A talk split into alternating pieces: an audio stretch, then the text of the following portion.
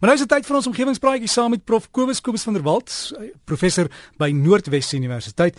En goeiemôre aan jou Kobus daar in Potchefstroom. Jy het vanoggend gesê jy het gehoor ek gepraat oor die gas om water warm te kry, né? Ja, baie goeiemôre, goeiemôre ook al ons omgewingsvriende.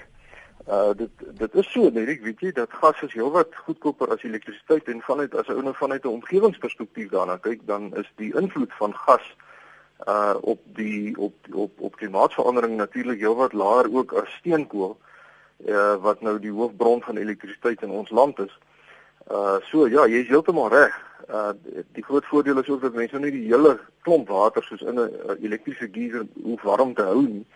Maar uh vanuit 'n omgewingsperspektief is sonenergie, son uh geysers natuurlik die beste want dit maak die water vir jou verniet warm en uh in ons land met sy fantastiese sonreserwes is dit eintlik vanuit 'n omgewingsperspektief uh 'n beter manier om jou water warm te maak. Gas is baie goed vir kookdoeleindes. Uh maar goed, dit is nou nie wat ek vanoggend oor wil gesels nie. Ek sal weer uh na mate die die inligting ontwikkel daaroor 'n bietjie gesels.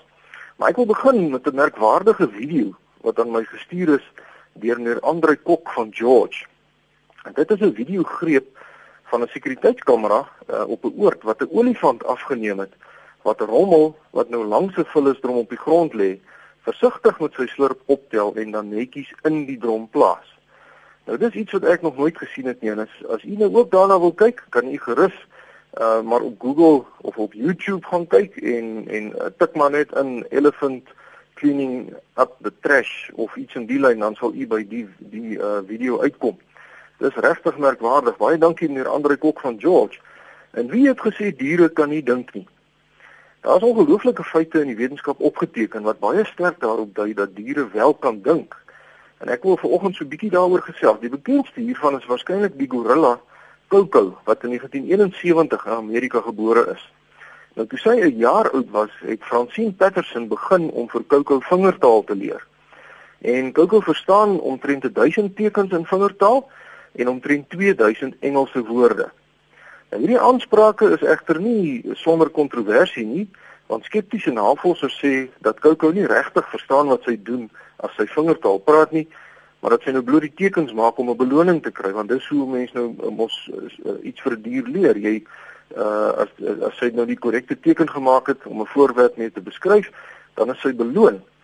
So skeptici sê Coco is eintlik maar net so 'n bietjie meer gesofistikeerd as Pavlov se honde wat destyds gekondisioneer was om te begin kwyl as hulle 'n klokkie oorlei. Maar Coco se afrigter verskil baie van hierdie mening. Want sy sê haar ervaring met Coco het bewys dat die gorilla nie net vingertaal intelligent kan gebruik nie, maar dat sy ook 'n baie helder begrip het oor wat die betekenis van die simbole is. En een bewys wat nou aangehaal word, gaan oor die teken vir 'n ring wat mens aan jou vinger dra. Petersen sê sy het nooit die teken vir 'n ring aan Coco geleer nie. Maar Coco het wel die tekens vir 'n armband en 'n vinger geken. En eendag toe wys Coco na Petersen se ring en maak toe die twee tekens vir vinger armband om na die ring te verwys. En as mens nou mooi daaroor dink, dan kan mense ring verwys. Dit is eintlik heeltemal logies en heeltemal slim. 'n Ring kan ons beskryf word as 'n klein armbandjie wat jy om jou vinger dra. En seker die mees mensagtige vertoon van intelligensie en kommunikasie was toe Coco 'n troeteldier gevra het. Nou troeteldiere is nie iets wat algemeen in die natuur voorkom nie, dis uniek tot mense en dit kom eintlik bitter selde by diere voor. Maar Coco het in 1983 vir 'n katjie gevra. Maar die navorsers was nou eers bietjie skrikkerig om 'n lewendige kat vir 'n volgroeide gorilla te gee. Wie sou nou weet wat 'n gorilla regtig met die katjie wou doen? En hulle het toe vir Coco 'n baie lewensgetroue opgestopte kat gegee.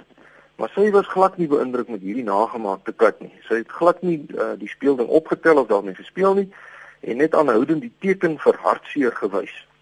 En die navorsers het daartoe toegelaat om op haar verjaarsdag in 1984 self vir haar 'n katjie uit 'n werksel te kies. En sy het toe 'n klein grys katjie uitgekies en hom terstond All Ball gedoop.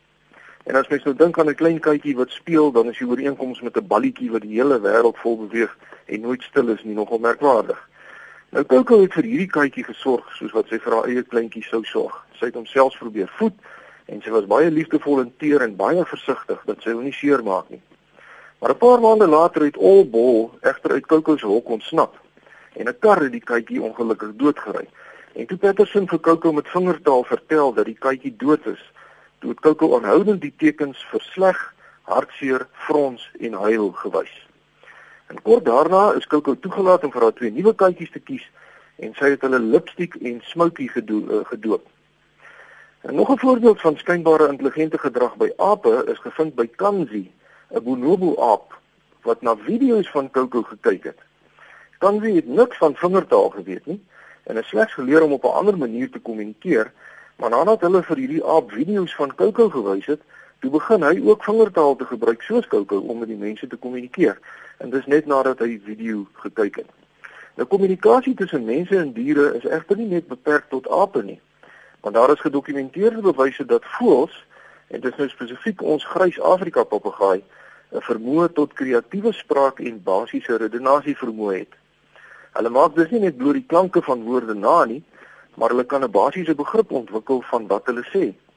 En nog 'n merkwaardige voorbeeld van kommunikasie tussen mens en dier is opgeteken in die Maagde-eilande toe John Lilly 'n aantal eksperimente met dolfyne gedoen het. In een van die eksperimente het 'n vroulike navorser vir 2 en 'n half maande lank 'n huis met 'n dolfyn gedeel waar hulle nou saam geëet het, saam gespeel het, met mekaar probeer kommunikeer het en selfs in die teenwoordigheid van mekaar geslaap het. Om dit reg te kry het hulle 'n huis gebou waarvan 'n gedeelte onder die water was sodat die mens en die dolfyn dieselfde huis kon bewoon. Aanvanklik het die dolfyn gedurig geluide gemaak en weggeswem as die navorser vir die dolfyn nou Engelse lesse wou gee. En as eers toe die navorser hom nou telkens met 'n stukkie vis beloon het, dat hy nou saamgewerk het. Maar na 'n paar weke het die dolfyn duidelik probeer om haar klanke na te boots. Maar meer merkwaardig was dat die dolfyn die vermoë ontwikkel het om te kan onderskei tussen iets soos die Engelse woorde bol en dol. Nog later in die projek het die dolfyn se kommunikasievermoë sodanig toegeneem dat hy die twee opdragte bring die bal na die pop toe of bring die pop na die bal toe korrek kon interpreteer en korrek kon uitvoer.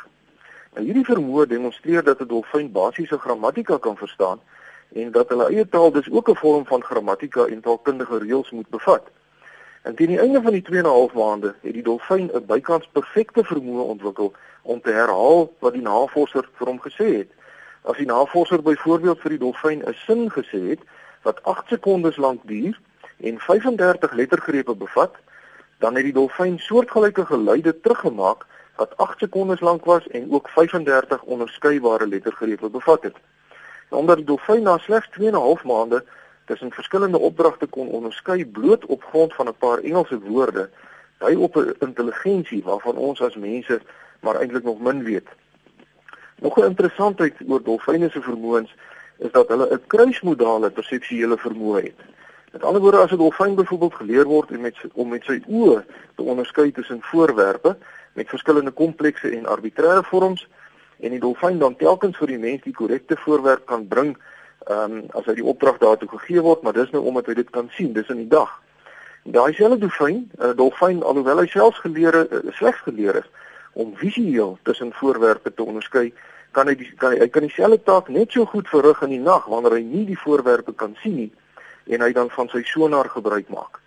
Die dolfyne se oë is redelik goed, maar hulle het ook 'n orgaan in hulle skedels wat die ekko's van geluide wat hulle maak om te navigeer uh, weer opvang.